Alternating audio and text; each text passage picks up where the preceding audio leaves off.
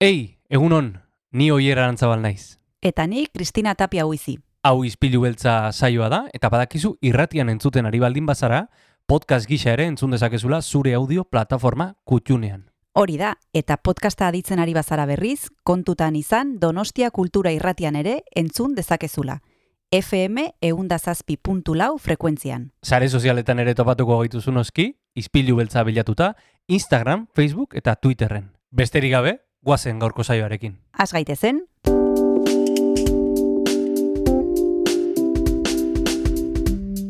Ispilu beltza. Donostiako kulturaren berri, Oyer Arantzabal eta Kristina Tapia buizirekin. Egun honen zule urriak hogeita sortzi ditu, ostirala da eta bagoaz asteari behar den bezala amaiera ematera. Amaiera emango diogu asteari, hemen izpilu beltzean, Donostia Kultura Erratian, Kristina, egunon, egunon oier, ja ostirala da zure egun kutxuna. nere egun kutxuna, e, badelako ja asteburua, ez? Astearen Asteburu luzea gainera. Bai, bai, bai, oso Gau beltza dator eta asteburu luzea dugu er, hemen tartean. Ba, ospatuko dugu, nola ez gau beltza, baina lehenengo, lehenengo gaurko saioa, ze betea datorren, Kristina. Bai, badekizue liburutegietara egiten dugula saltu ostiraletan eta gaur etorriko da izpilu beltzara larraitz idarreta, berak bi liburu aukeratu ditu, batetik munduari bira eman zion ontzia eta bestetik barruko hotxak eta beste soinu txiki batzuk eta hoien inguruan arituko gara berarekin eta gainera izango dugu hemen Eugenio Rubio musikagela proiektuaren arduraduna da eta kontatuko digu ze bitxia den proiektua eta zenbat talde pasatzen diren, zenbat e, entzaiatzen duten e, Donostia kulturak dituen lokaletan eta bueno, izugarrizko lana egiten dute eta ikusiko dugu gainera deskubrituko digu e, talde berriren bat. Bueno, horra gaurko saioaren laburpena, beti bezala e, jende interesgarri mordoa izango dugu izpilu beltzean, eta beti bezala Jon Gartziaren musika ere izango dugu. Bere musikarekin eta bere baimerarekin hasiko dugu gaurko izpilu beltza. Guazen.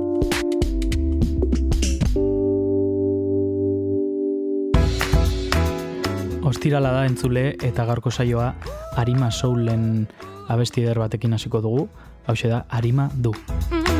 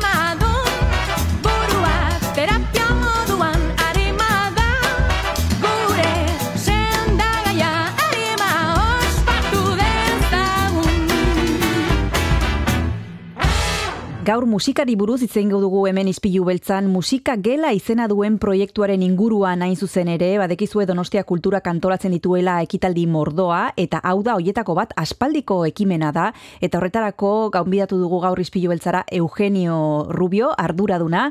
Egunon Eugenio, ¿qué tal estás? Egunon, muy bien. Bueno, hace poco, bueno, hace poco, hace ya unos meses hablamos contigo eh, con respecto a este proyecto. Por si acaso alguien no escuchó aquella entrevista, vamos a volver a incidir y a explicar qué es eh, Música Gela y lo primero de todo, eso, ¿qué es Música Gela, Eugenio? ¿De qué se trata este proyecto? Sí, Musicadela es un servicio de, de nuestra cultura que lo que hace es impulsar y dinamizar la, la actividad musical de la, de la escena local. Entonces el servicio cuenta con salas de ensayo en las casas de cultura de, de Guía y de Inchaurrondo. Tiene un servicio de, de préstamo material para los grupos que, que ensayan allí y que hacen las formaciones. Eh, tiene un circuito de, de conciertos eh, durante el año en, bares y salas de, la ciudad y luego también eh, eh, nos encargamos de meter a, a los grupos que abren los conciertos en, en Inchaurrondo, Culturechea. Ujú. Y, qui- luego, aparte sí. de eso, también tenemos formación y, y asesoramiento. Formación, eh, cursillos, entiendo. Eso es, durante el año preparamos eh, cursos relacionados con, con la música, eh, pues bueno, viendo un poco las necesidades de, de la gente que, que, que ensaya en las salas o que, bueno, músicos de la ciudad que siempre nos comentan pues sus inquietudes. Me gustaría eh, aprender de tal programa o, o cómo ajustar la guitarra. Entonces, en función de todo lo que vemos durante el año, pues preparamos esa, esa formación. Y Eugenio, ¿quiénes se pueden apuntar? ¿Cuáles son las edades a partir de las que uno puede participar en Música Gela? ¿Qué requisitos hay? ¿Tienen que ser personas que ya están un, un poco en el mundo de la música? ¿O puede ser que gente que, que sea gente que esté empezando desde el principio? Eh, pues bueno, eh, para las salas de ensayo el, el único requisito es que estén que el 50% de la formación esté empadronado en, en Donosti. Y, y luego sobre edades no hay ningún, ninguna edad. Es, es abierto y desde gente que no sabe de música y que bueno le interesa eh, empezar a ensayar porque tenemos salas equipadas, entonces todo el mundo no dispone de, de material para poder ensayar. A, a gente que, que bueno que, que se quiere dedicar a esto o que, o que tiene una trayectoria ya más, más profesional. Y hasta ahora, el perfil de las personas que se han ido apuntando, podríamos diferenciar esas dos partes que, que decías tú. Por un lado, eh, las salas de ensayo y por otro lado, los cursos específicos que ofrecéis. En cuanto a las salas de ensayo, ¿qué perfil de personas estáis viendo en este tiempo? Bueno, eh, la verdad que tenemos un, un perfil bastante bastante amplio. Desde gente joven, de, pues lo normal es que a partir de 16 años ya empiezan a tener inquietud por, por ensayar, hasta eh, pues gente que, que, que, que se ha jubilado y que bueno que quiere retomar un poco la, la actividad la actividad musical. De todo, como decíamos también, ah, después hay otra otra parte que son los cursos. Aquí hemos hablado con muchas de las personas, con la mayoría diría yo, que imparten esos cursos, con Gorka Urra, con Andoni Cheveste, Termotrenor hace poco, eh, con Flavio Banterla. em, y en esos em, cursos ellos nos hablaban de- del perfil de, de las personas también, ¿no? Eh, un perfil diverso y un perfil de personas que, que tienen muchísimas ganas de aprender y que incluso a, incluso a veces son los propios profesores los que aprenden cosas de ellos también, ¿no? Sí, eso es. Al final, claro, la, la gente viene con, cada uno viene con sus dudas y, y eso hace que las clases sean muy dinámicas, incluso que, que se, se, se planteen, pues yo qué sé, eh, cosas que, que, que el profesor da por hecho y que, bueno, Mm. que, que como que recupera un poco también esos inicios, ¿no? En los que ellos empezaban a, a, a conocer, pues bueno, un instrumento, un programa y, y, y la verdad que sí, que se, eh, en las clases se, se ab- se abarca un poco de, de todo. Sí. También sí. hay que decir, bueno, en, en los cursos el, el perfil es, es más, más abierto. ¿eh? Eh, no, no solo no hay por qué ser de Donosti para poder hacer, Sí. hacer los, los Sí, cursos. sí, sí, los cursos de Donostia Cultura vamos a recordar que son abiertos, que se puede apuntar cualquiera, que toda la información está en la web de Donostia Cultura, donostiacultura.eus y mm, bueno, ahí tenéis eh, toda la información, pero si queréis, los viernes aquí vamos a ir entrevistando a todas esas personas que imparten eh, los cursos, como sabéis, y una de ellas, bueno, como responsable de Música Gela, aquí tenemos a Eugenio Rubio. Eh, ¿Cuáles son las cosas que más valoran eh, las personas que, por ejemplo, quieren acceder a esos espacios de ensayo? ¿No es habitual tener un lugar de ensayo para los grupos? Eugenio, ¿en otras ciudades cómo se organiza esto? Bueno, aquí nosotros te- tenemos la experiencia pues que al, al- al final hemos sido hemos sido músicos y, y, y hemos ido bueno se ha ido diseñando eh, coordinados con nuestra cultura un poco lo, lo que veíamos las necesidades de, de la gente. Así lo, lo principal para la gente que quiere que quiere empezar a ensayar es que no todo el mundo eh, se puede permitir comprarse un amplio Claro. o, o una batería. Entonces, pues bueno, pues en Música Vela eh, tienen, tienen la facilidad eso de que tienen ahí el, el material y, y, bueno, las sesiones de ensayo se organizan por tres horas, que también valoran eso, pues que al final mucha gente se coge se coge un local de ensayo todo un mes y luego lo aprovecha un- una vez a, un día a la semana. Entonces, bueno, pues aquí en Música Vela tienes la opción de, de realmente aprovechar y coger el, el tiempo que, que vas a usar la sala. Eso también nos permite que, que pueda haber más, más usuarios. Ahora mismo vamos a seguir hablando de este proyecto de Música Gela, pero nos vamos a tomar un descanso y para eso, Eugenio, te voy a pedir que nos propongas una canción para compartir con los oyentes.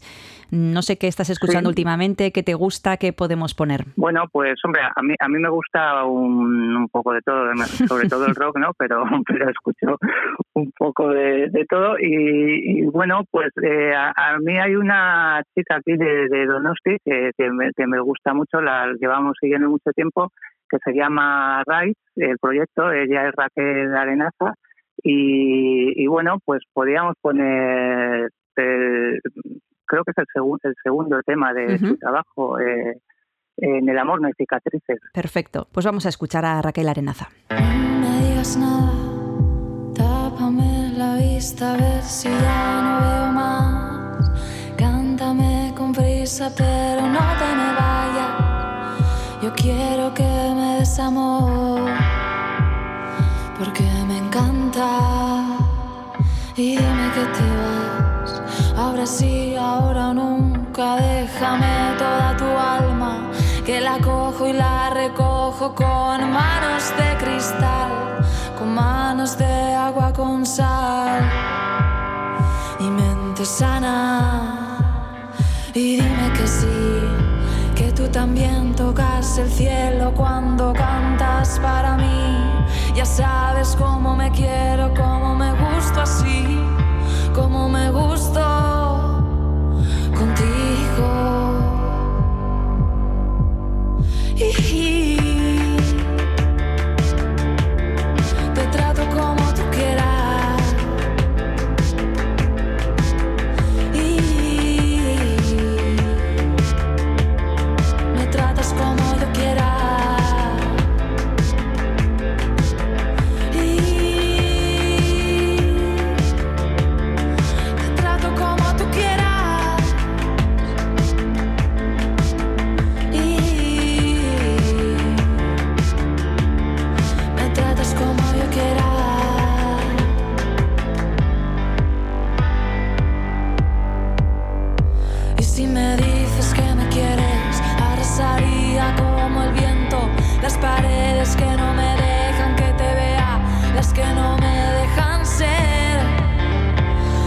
separan, las que detienen, las que se piensan que protegen, pero no. Y llegados al final, un punto no me sirve porque no sé de verdad. Aquí no hay cicatrices ni cortes de manga,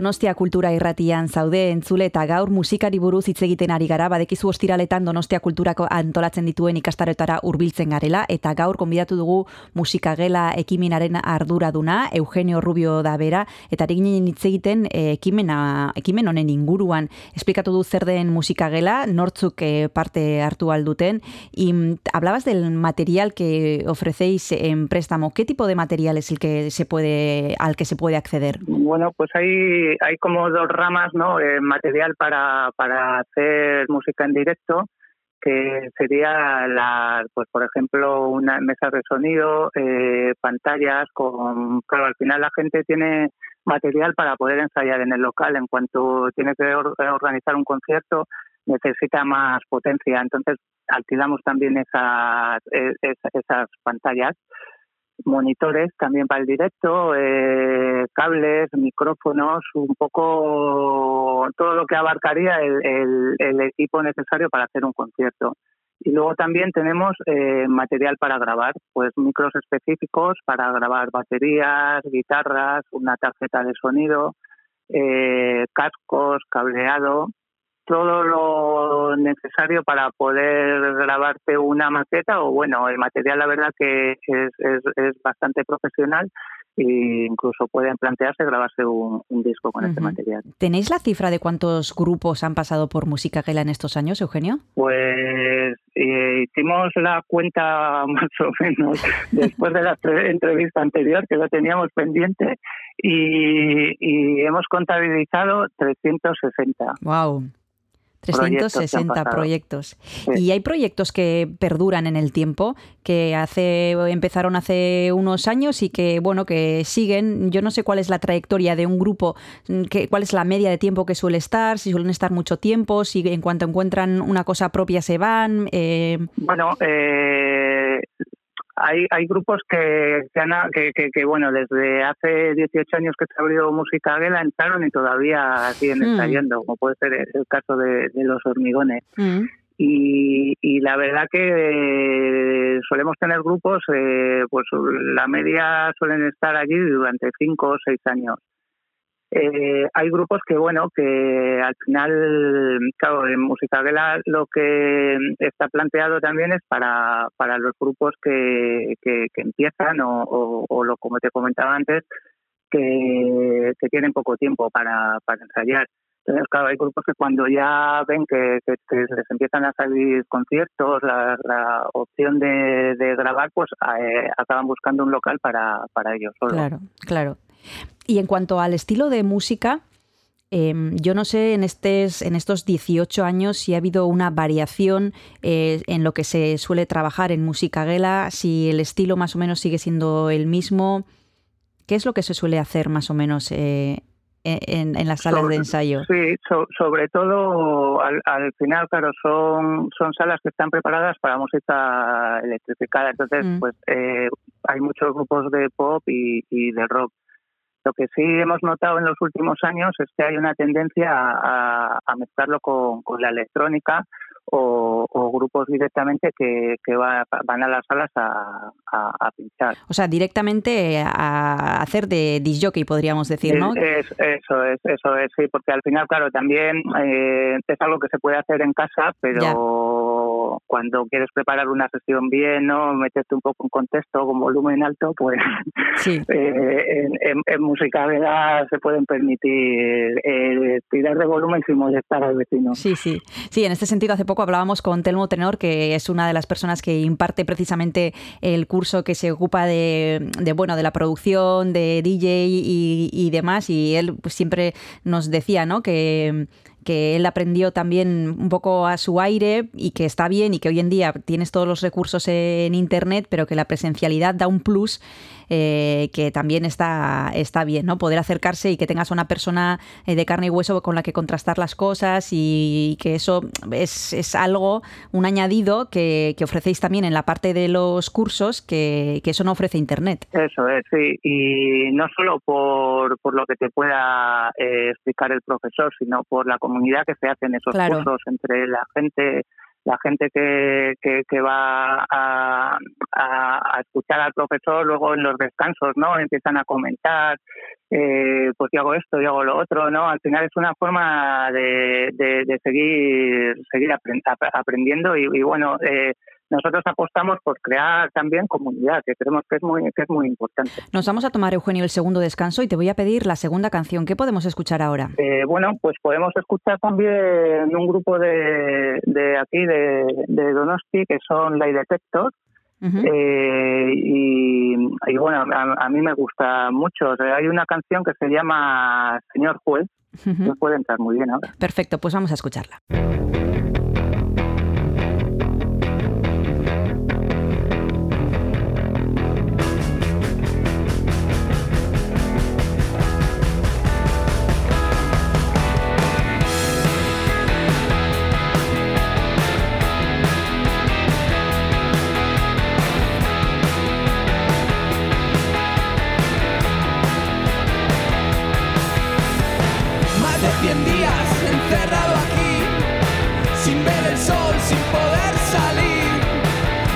Justicia me encerró y ahora malvivo en esta prisión.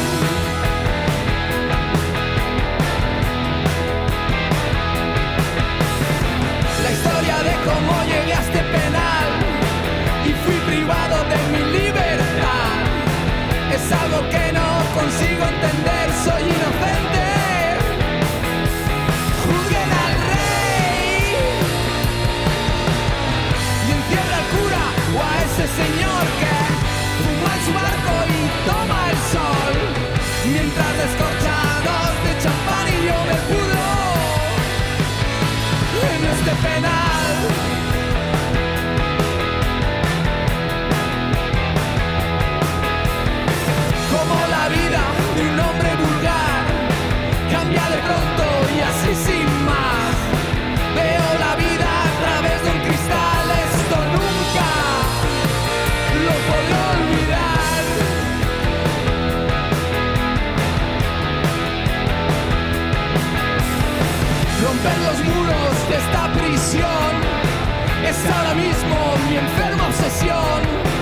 Ella cae, avisa al doctor o no terminaré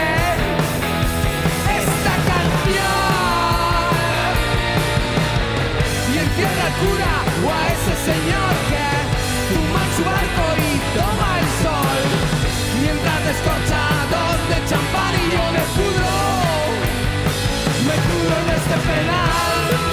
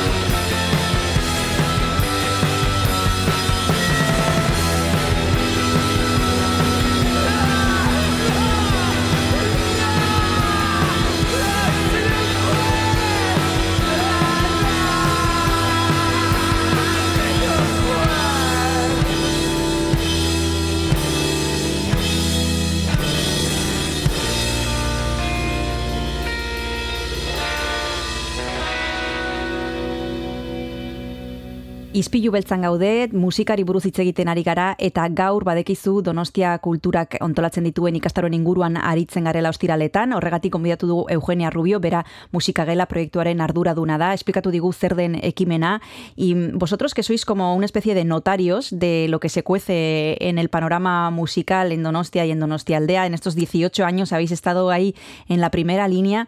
¿Cómo veis eh, la situación de los músicos y las músicas y de los grupos en, en nuestra ciudad, Eugenio? Bueno, pues eh, no sé, un poco lo que te, te, comenté otra vez, la pandemia ha hecho mucha media ¿no? Sí, en, sí. en el sector en todo general. Yo lo que lo que veo que bueno que ahora se ha empezado otra vez como a, abrir la oportunidad de volver a, dar conciertos.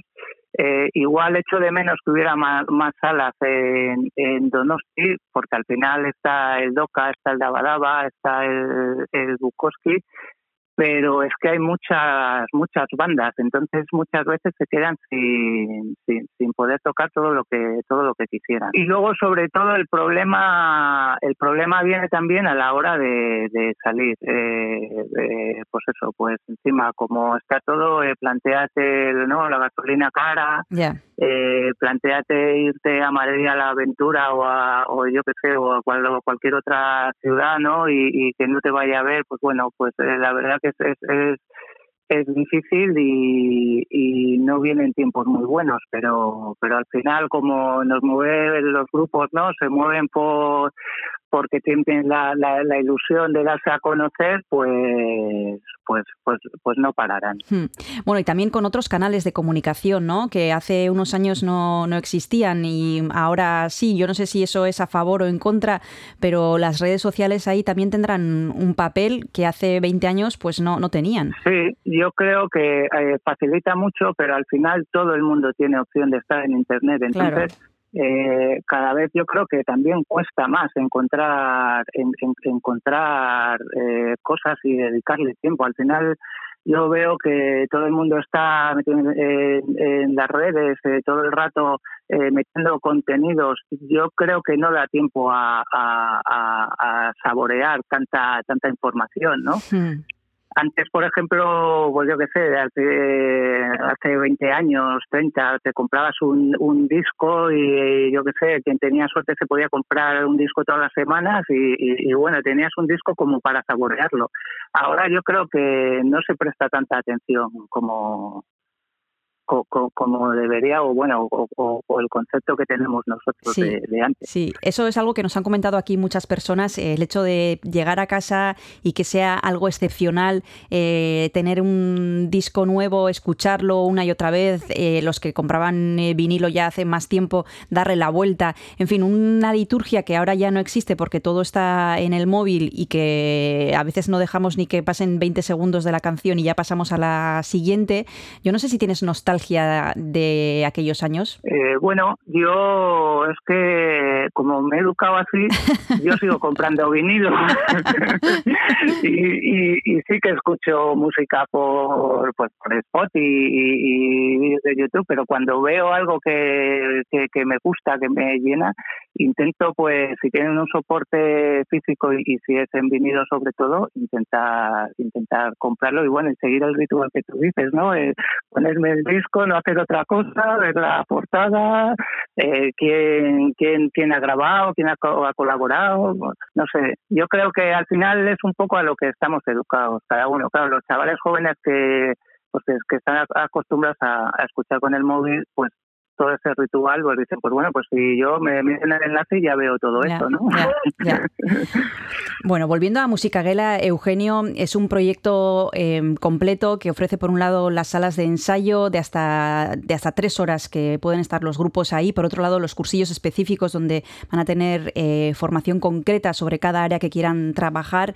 Yo no sé si conocéis algún otro sitio donde se hagan unas, se, se tengan una iniciativa similar. La otra vez, si no recuerdo mal, me comentaste que os han llamado, os han mirado desde otros lugares con cierta envidia. Sí, eh, pues claro, porque sí que en otros en otros lugares hay salas de ensayo y, luego, pues bueno, de forma puntual, igual que sí, sí que se pueden dar cursos, pero un programa así como el nuestro que se mantenga durante todo el año y que englobe pues digamos las, las cuatro patas de salas de ensayo, los cursos, el servicio de préstamo y conciertos eh, es difícil. Igual eh, así un referente sería eh, Atabal en, en, Biarritz. en, en Francia, eso es y, y que, que, sí que tiene pues esa, esa continuidad como, como podemos tener nosotros. Bueno, pues como hemos dicho, 360 grupos han pasado ya por Música Gela, más todos los alumnos que han participado en los cursos que ofrece este programa. Eugenio Rubio, muchas gracias por haberte acercado a Ispillu Belsa. Un abrazo y hasta la próxima, Milla Esker. Pues nada, gracias a, a, a vosotros. Nos vemos. Agur. Agur.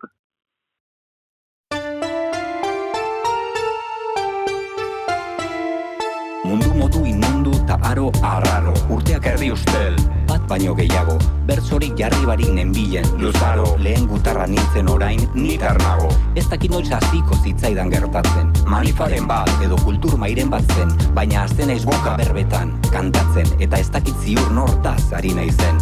Beken egun bat eman nuen behin kantari. Ez errez esateko amabos milari. Itzak hiltzen, jendezan eukanean adi. Buk ezkenion horri deitzen bertsolari bolzan estamai eta etxean pentsako Hankabat hemen eukan, beste hankabat hor. Biotza izotzetan, buruan eusator Joatekotan egonaiz baina hemen ator. Ez du nahi, ile zuri, ele zuri izan. Badabilar eiteben, sarean, elizan. Zintzo gura dut mintzo, itzeatzen eizan. Lengu esango nuken lekuan, ni esan. Lengu esango nuken lekuan,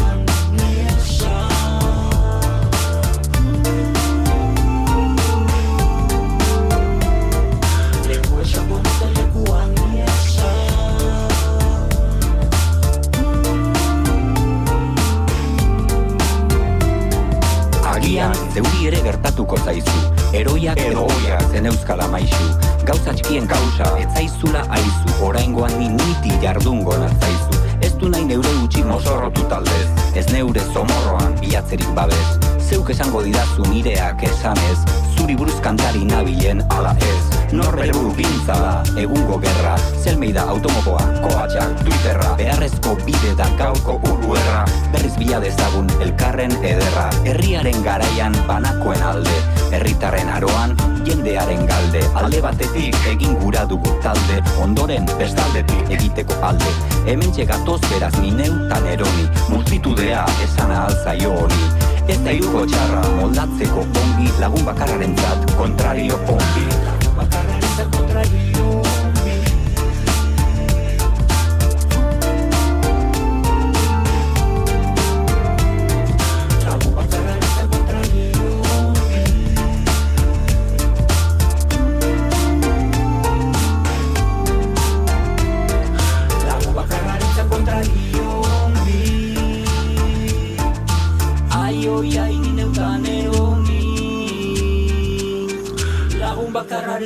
Radio.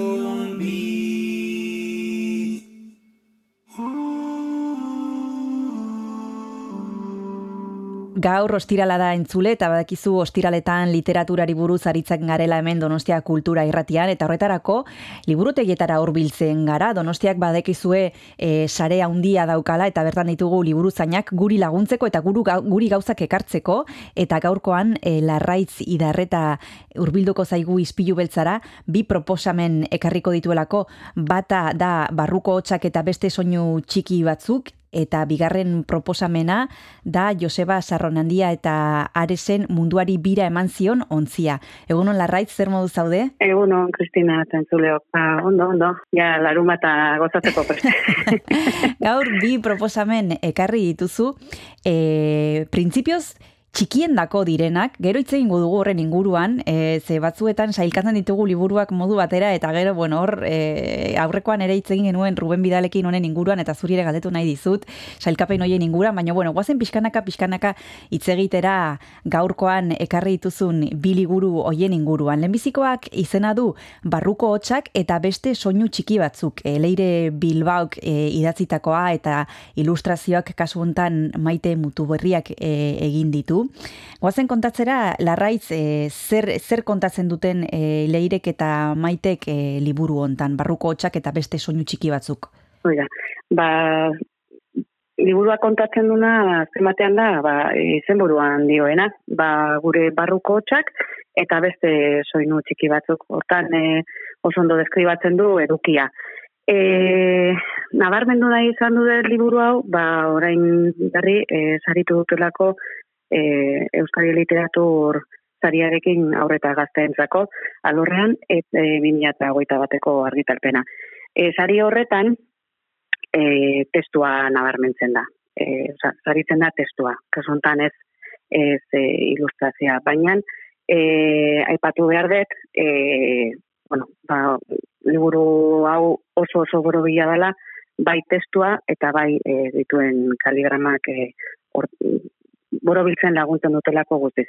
Eta maite mutua berria ilustratzaia, kasuntan, beste liburu batekin irabazi duelako ere, e, ilustrazio saria mm. euskari literatur lehiaketetan. Orduan ba, bueno, ba, irrimola da beste ligua, irrimola ikusteko aukerik ez dago, ba, hemen ere motzatzea dago maiteren ilustrazioekin.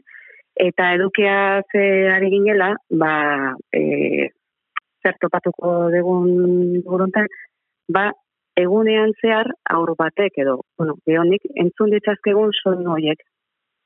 Eta zer nabarmenduko nuke, ba, e, nola dagoen banatuta liburua amarataletan e, kronologikoki esnatzen garenetik oheratzen garen iraino eta e, ze modu jostagarrian e, bai, ba, oso modu divertigarrian e, ikusteko ere oso ateginan ze, aipatu dituan kaligrama horiek e, ba, alegia, ba, ez dakit, e, xixare bat aipatzen balen dugu, ba, olerkiak ere xixare forma hartzen du, e, ba, dago ba, kro, kro, kro, kro e, erabiltzen du, eta saltoka bezala jartzen ditu e, onomatopeia horiek, eta orduan ba, oso oso divertigarria da.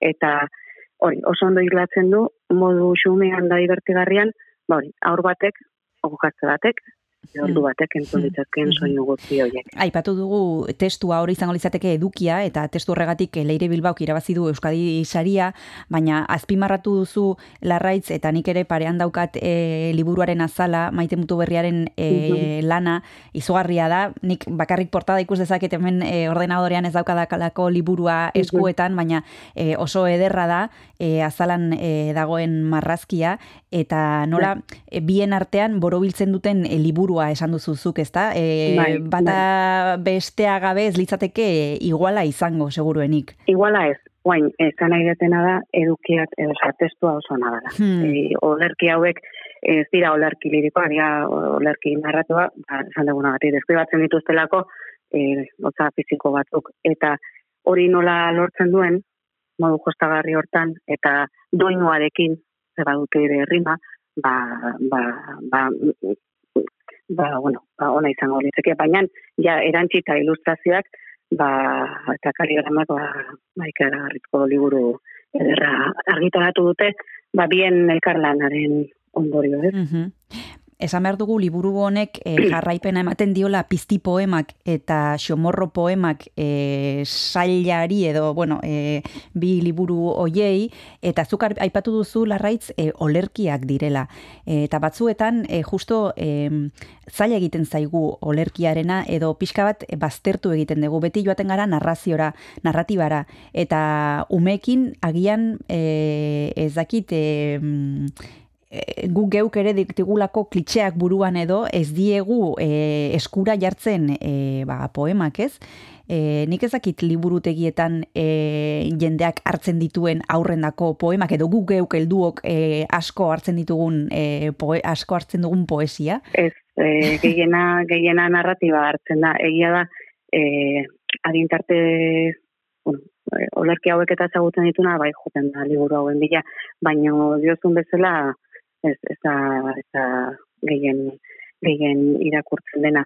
Eta hor, ba, pena ze, e, olerkiekin eta, bai, irudimena garatzeaz gain, onua, e, iztegia, bueno, oso ondo pasatuko dute olerkiekin, ba, e, azkenean divertigarri egiten zaie. Eh? Adin, gutxo gara bera liburu hau, e, hau txiki irakurri dakiek ez, e, belarri sartuko zaie doinua daka, e, hostalaria denez ba, ondo, ondo jarretuko dute, baina nik uste pentsatua dagoela pizkaia irakurketa autonomo baterako.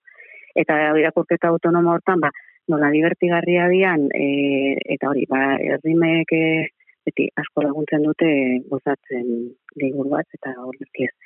Eta eldu elke eldu hori ere ba ba beste beste ez nik hau oso oso gustora irakurri ta ni ere e, e, esan bar bale mait ena izo lerki irakurrea.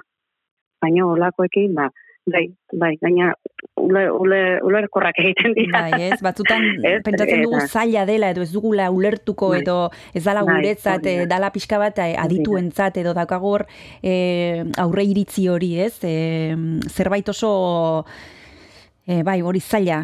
Eh, irudikatzen dugu zerbait zaila bezala. Liburu honek dauken beste balio erantzi bada amaieran QR kode bat dagoela Mm. eta Xavier Zabala musikariak e, e, egindako e, soinu banda bat duela liburuarentzako orduan ba e, liburua irako, ko, ko- QR-a irakurri telefonoan edo nala Mm. eta horraz gartuko zaigun musika e, martxan jarri eta orduan musika horren erritmoan ere olarki hauek Mhm. irakurri ahal izango ditugu eta hori ere ba kuriosoa kuriosoa egiten da. Bueno, ikusten duzuen bezala liburua kompleto dator, e, QR kodearen bidez e, material gehiago lortzeko aukera dago. Hau da, e, larraitzi darretak gomendatuko, gomendatu digun elebiziko liburua, parruko hotxak eta beste soinu txiki batzuk, leire bilbauk eta maite mutu berriak egin dutena. Eta, tarte bat hartu behar dugu, bigarren liburuari buruz hitz egiteko, larraitz badekizu tarteak hartzeko, deskantsoak hartzeko egonbidatu dei abestiak eskatzen dizkiegula, eta nik ezakit ze pentsatu duzun entzulekin partekatzeko orain jartzeko. Ah, oraintxe eh, Amaia Rius Peiruz, ondo esaten baldin badet, Bai? eh, milaka bestia. Primeran, bagoazen entzutera.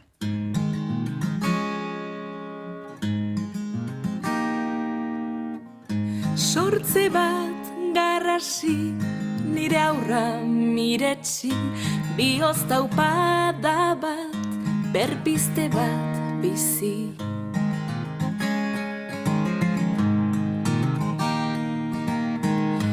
Biziak eskaini betirako zopari Kemen handi bainan jipi Zenbat zaren miresgarri Milaka, milaka esker.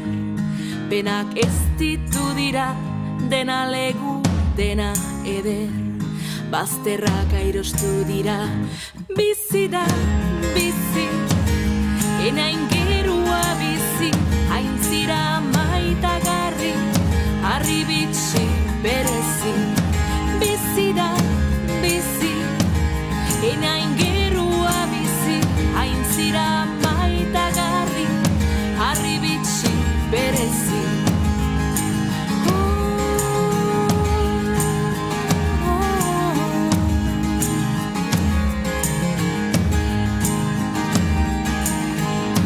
Nigar erlastu Irrizala partak Besarkada luze Tarte unkigarriak hauek eskertzeko Emandako bozkario Izarnioa gure zain dago Izan gaiten azkarrago Milaka, milaka esker Benak ez ditu dira Dena leku, dena eder Bazterrak airostu dira.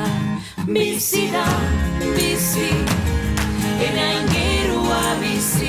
Hain zira maitagarri Harri bitxi berezi. Bizi da, bizi. Ena ingerua bizi. Hain zira maitagarri Harri bitxi berezi. Bizi da, bizi Ena ingerua bizi Hain zira maitagarri Harri bitxi berezi. Bizi da, bizi Ena ingerua bizi Hain zira maitagarri Harri bitxi berezi.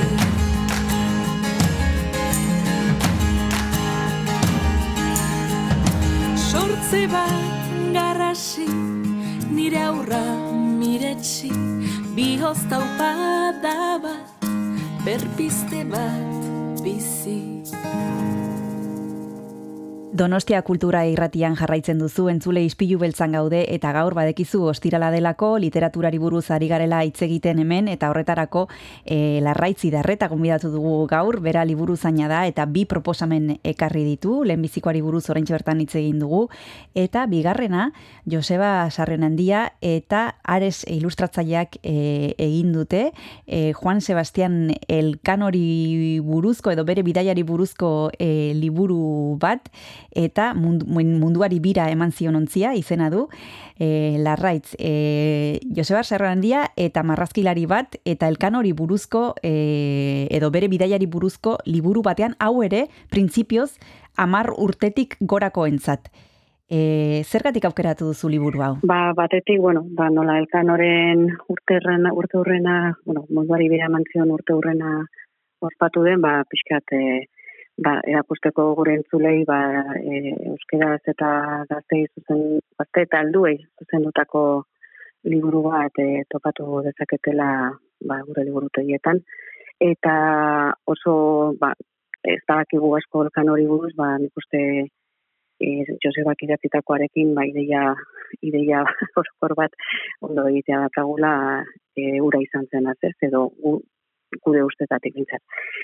Eta, bai, e, gero ere, Joseba e, zarri nahi da ipatoneko nuke, ze agian entzulek gehiago ezagutzen dute eldue, elduen narratiban, baina zan barren dakat, e, Joseba kereia baritula bat liburu aurreta gazte zuzenduak, lehenengo aiza Maria Sunen abentura izan ziren, eo korez banago mila behatzean da laro eta behatzean argitaratuta, Eta bero ba, inari gutunak, e, darria zeuzara, munduko zazpi herrialeteko ipuinak, eta azkenekoa literatu duna honetaz gain e, aurten e, tristu da izeneko album ilustratua izan da.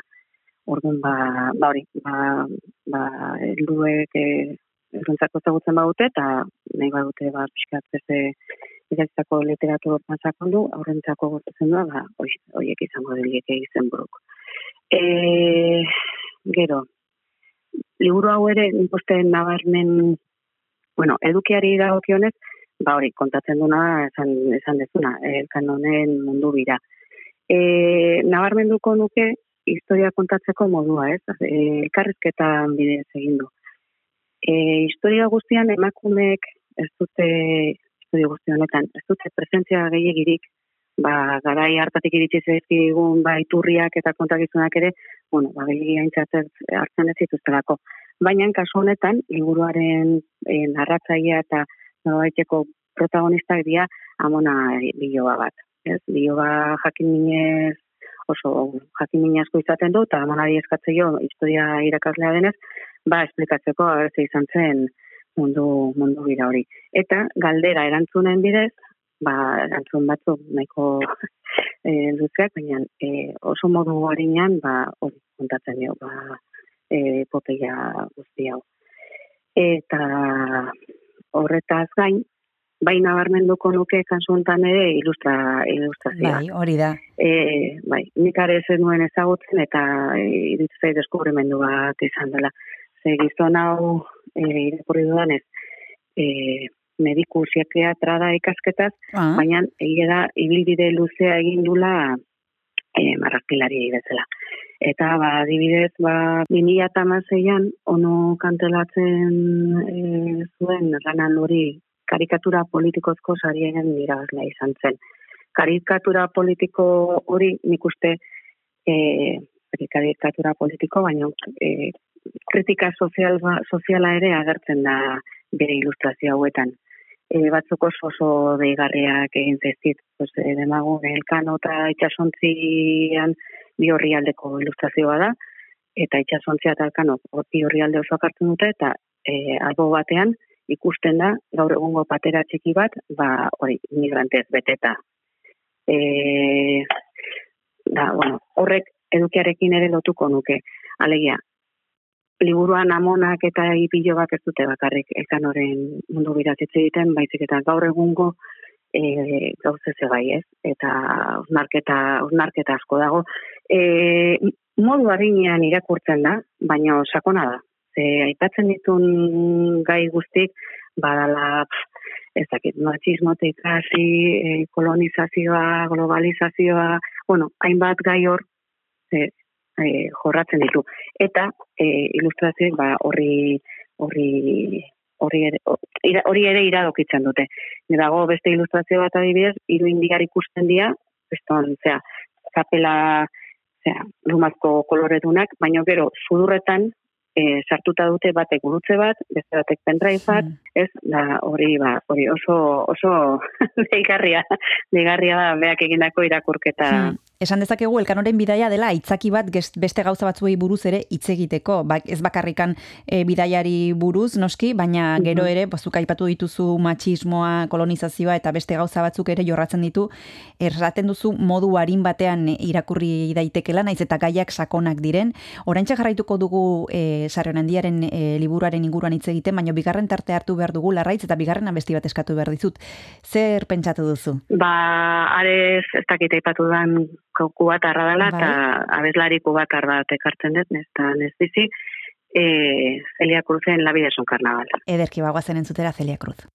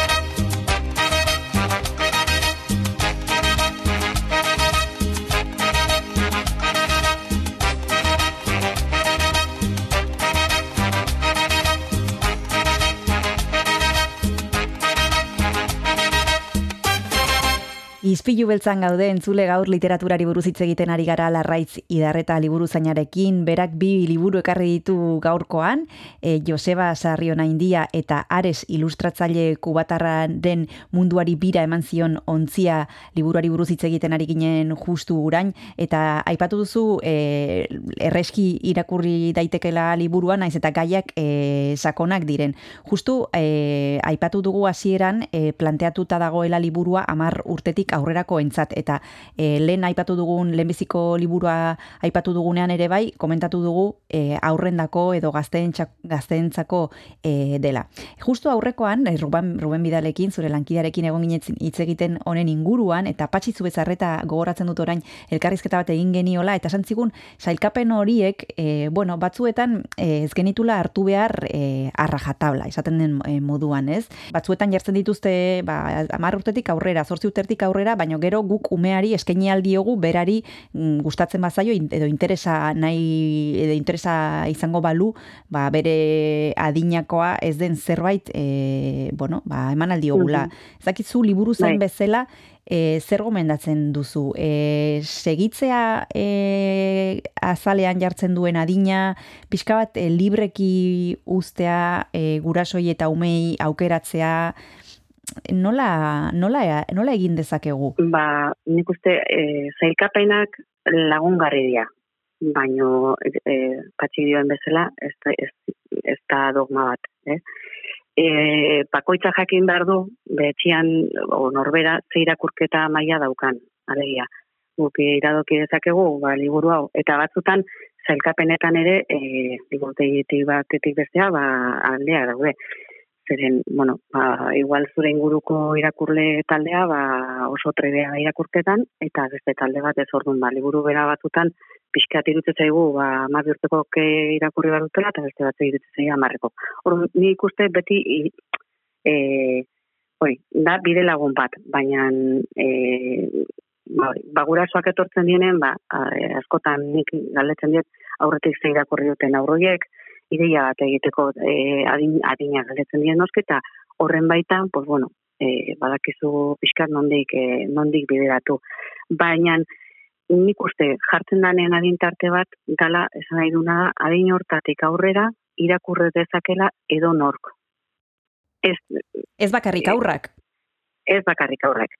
E, adin hortatik edo nork irakurtzeko, ligurua dala eta ba, albunekin asko askotan aipatzen dugu daude. Albun zoragarri asko, askotan duten mania, ba, eldu batek asko zobeto ulertuko lukeena, baina albuna denez, lotzen dugu aurri irakurketarekin, baina aur txikiena, ez, ez da ere ja zortzi urteki gorako entzako.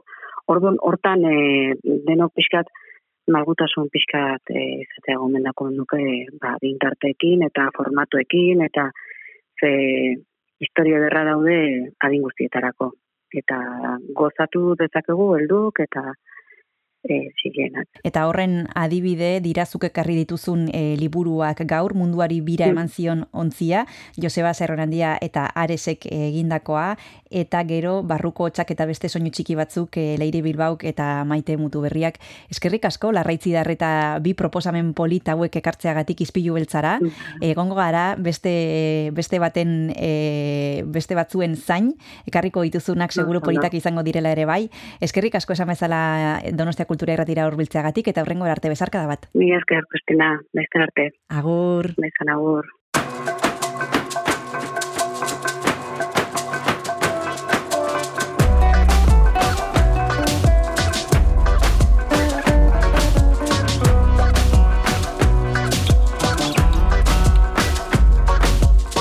Inore lortzara noa, kea eta belainoa, Fundiziotik natorta sasia erretzera noa. Inora roita jauregi, gerrika beitea gazegi Hortutik zukalderaino, amantala ez dut ezkegi Inor lopate gilete, kantuak berbekaz bete. Bizitza bat jokatzeko, jolasa izan daiteke. Inor iturriaga, panderuaren taupada Algararen bizi poza, bizi mina ere bada. Inor lartza balaboa, fakirra eta magoa.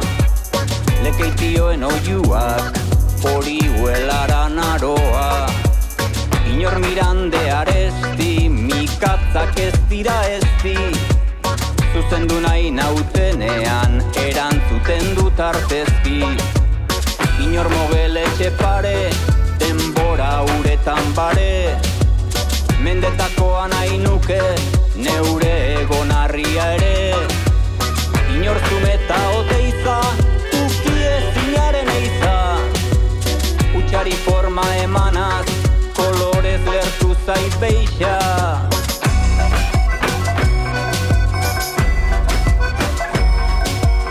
Inorpia barraz Franklin, biziduna ez da pampin Beinta berriz kantatzen dit, gura ez dudana jakin.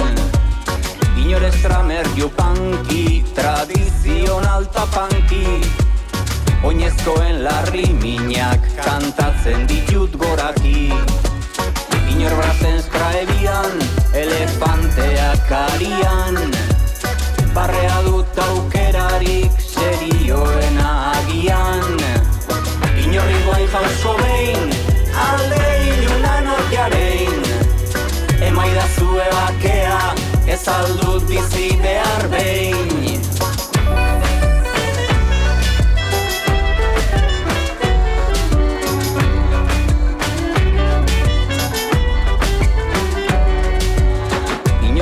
Benedetti, gau erdian egun senti Ilargiak bestalde bat duela oroi dut beti. Inor Christoph Carver txirbez, inguraturik gaizkidez. Ez aitain erreza beti, jokatzea gizabidez Inor Burkowski keruak, ikusi bako zeruak. Ez daukat nik egorik ta ez garagu hain Inor mezkoikalo, ederatzi mutxori malo. Jardin ba nahi dut margotu, ta bertan egite alo.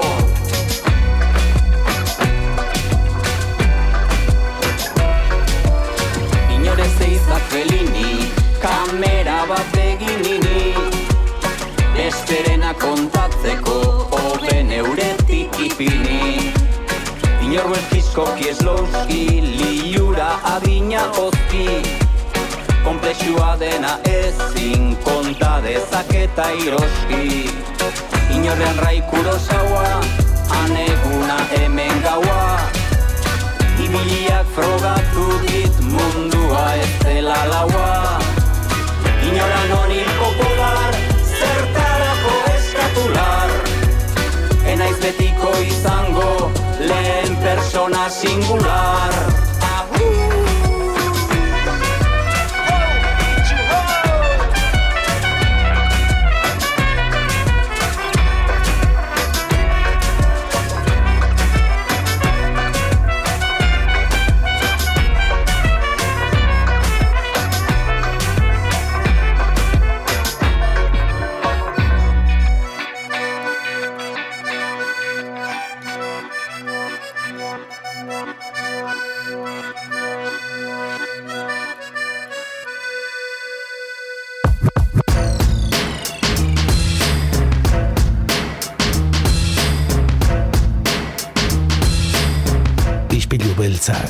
Donostiako kultur paisaiaren isla da Donostia Kultura Irratian eta zure audio plataforman Spotify, Apple Podcast, Google Podcast eta irratia.donostiakultura.eus webgunean.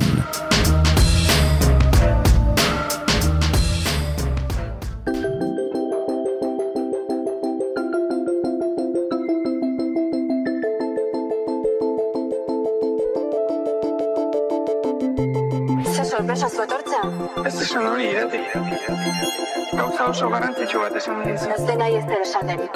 Entzuzuk niri.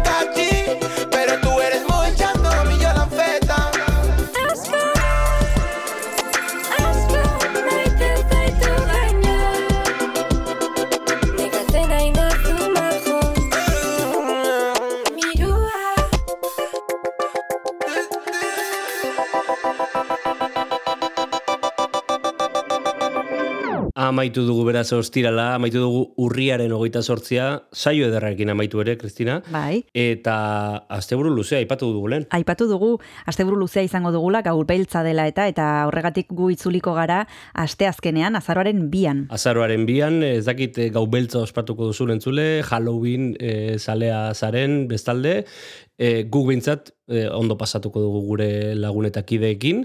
Mm, asteazkeneko laburpena ingo dugu? Noski, asteazkenean izango dugu gurekin Danele Sarri Ugarte, berak itzuli baitu Luisa Karnesen amairu ipuin, e, ereinen, dago liburua, e, liburu ederra orain arte gaztelania zegoena, eta Danele Sarri Ugarte gonbidatuko dugu izpilu beltzara. Elkarrezketa interesgarria zalantza izpirik gabe, mm, bueno, e, oporralditxo labur honi e, buelta emateko asteazkenean.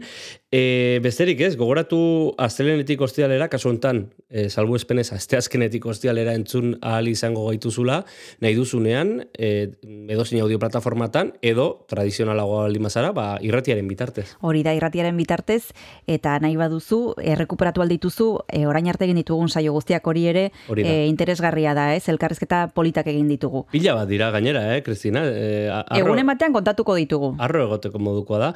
Tira, e, besterik ez, aio, aio. Agur, asteburu on.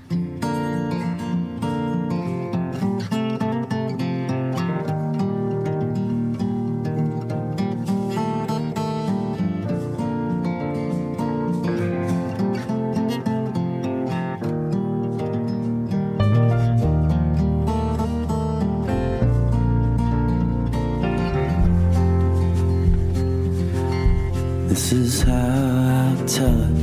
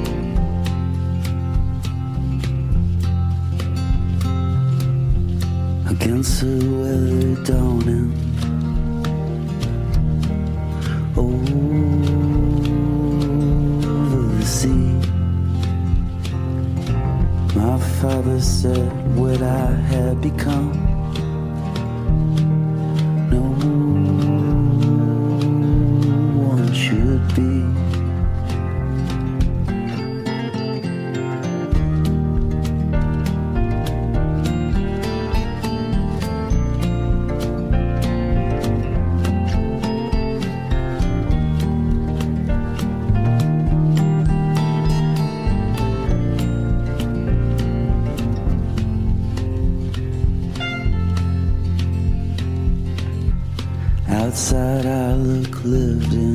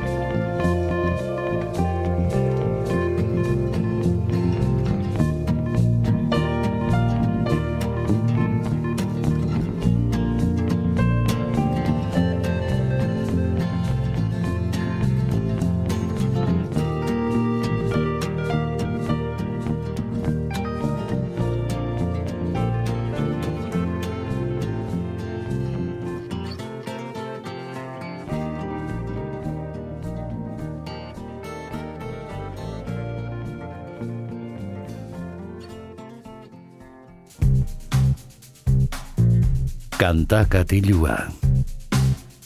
Jon Gartziaren eskutik.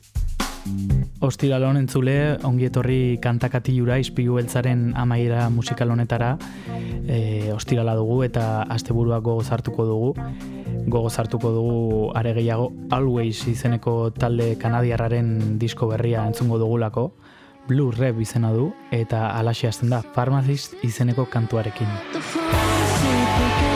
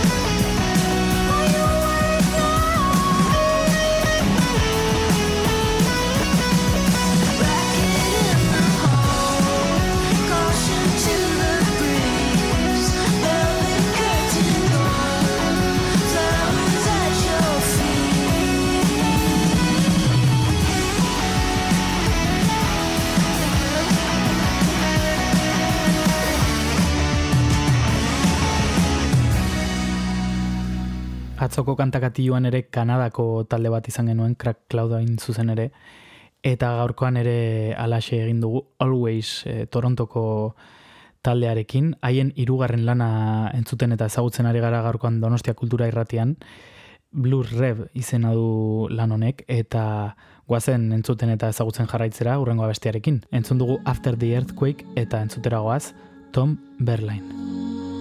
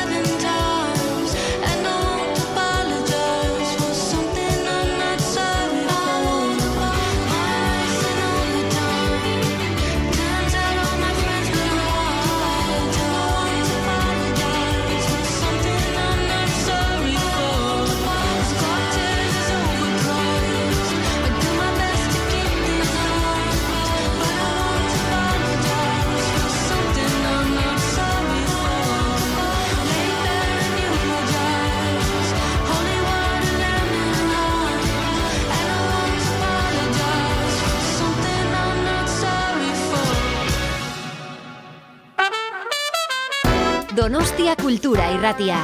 Eun eta zazpi puntu lau.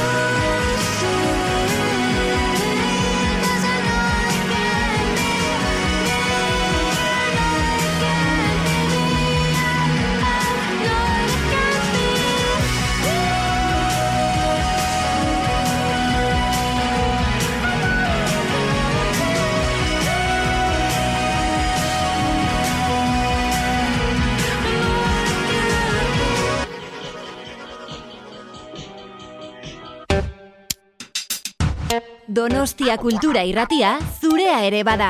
Zatoz eta parte hartu.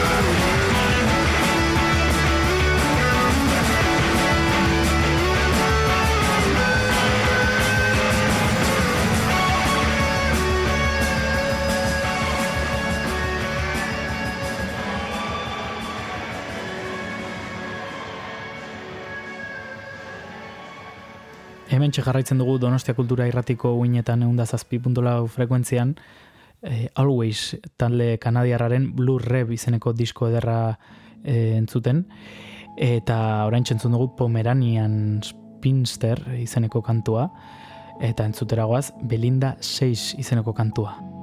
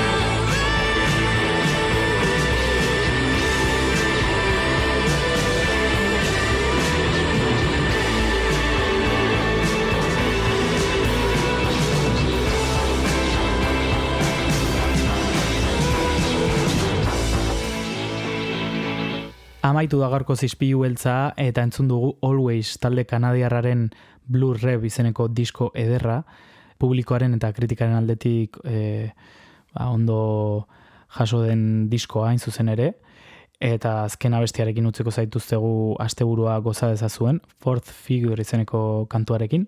Beraz, asteburu hon eta asteazkenera arte izan ere zubia izango dugu, baina bertan entzungo dugu elkar, e, asteburu hona izan.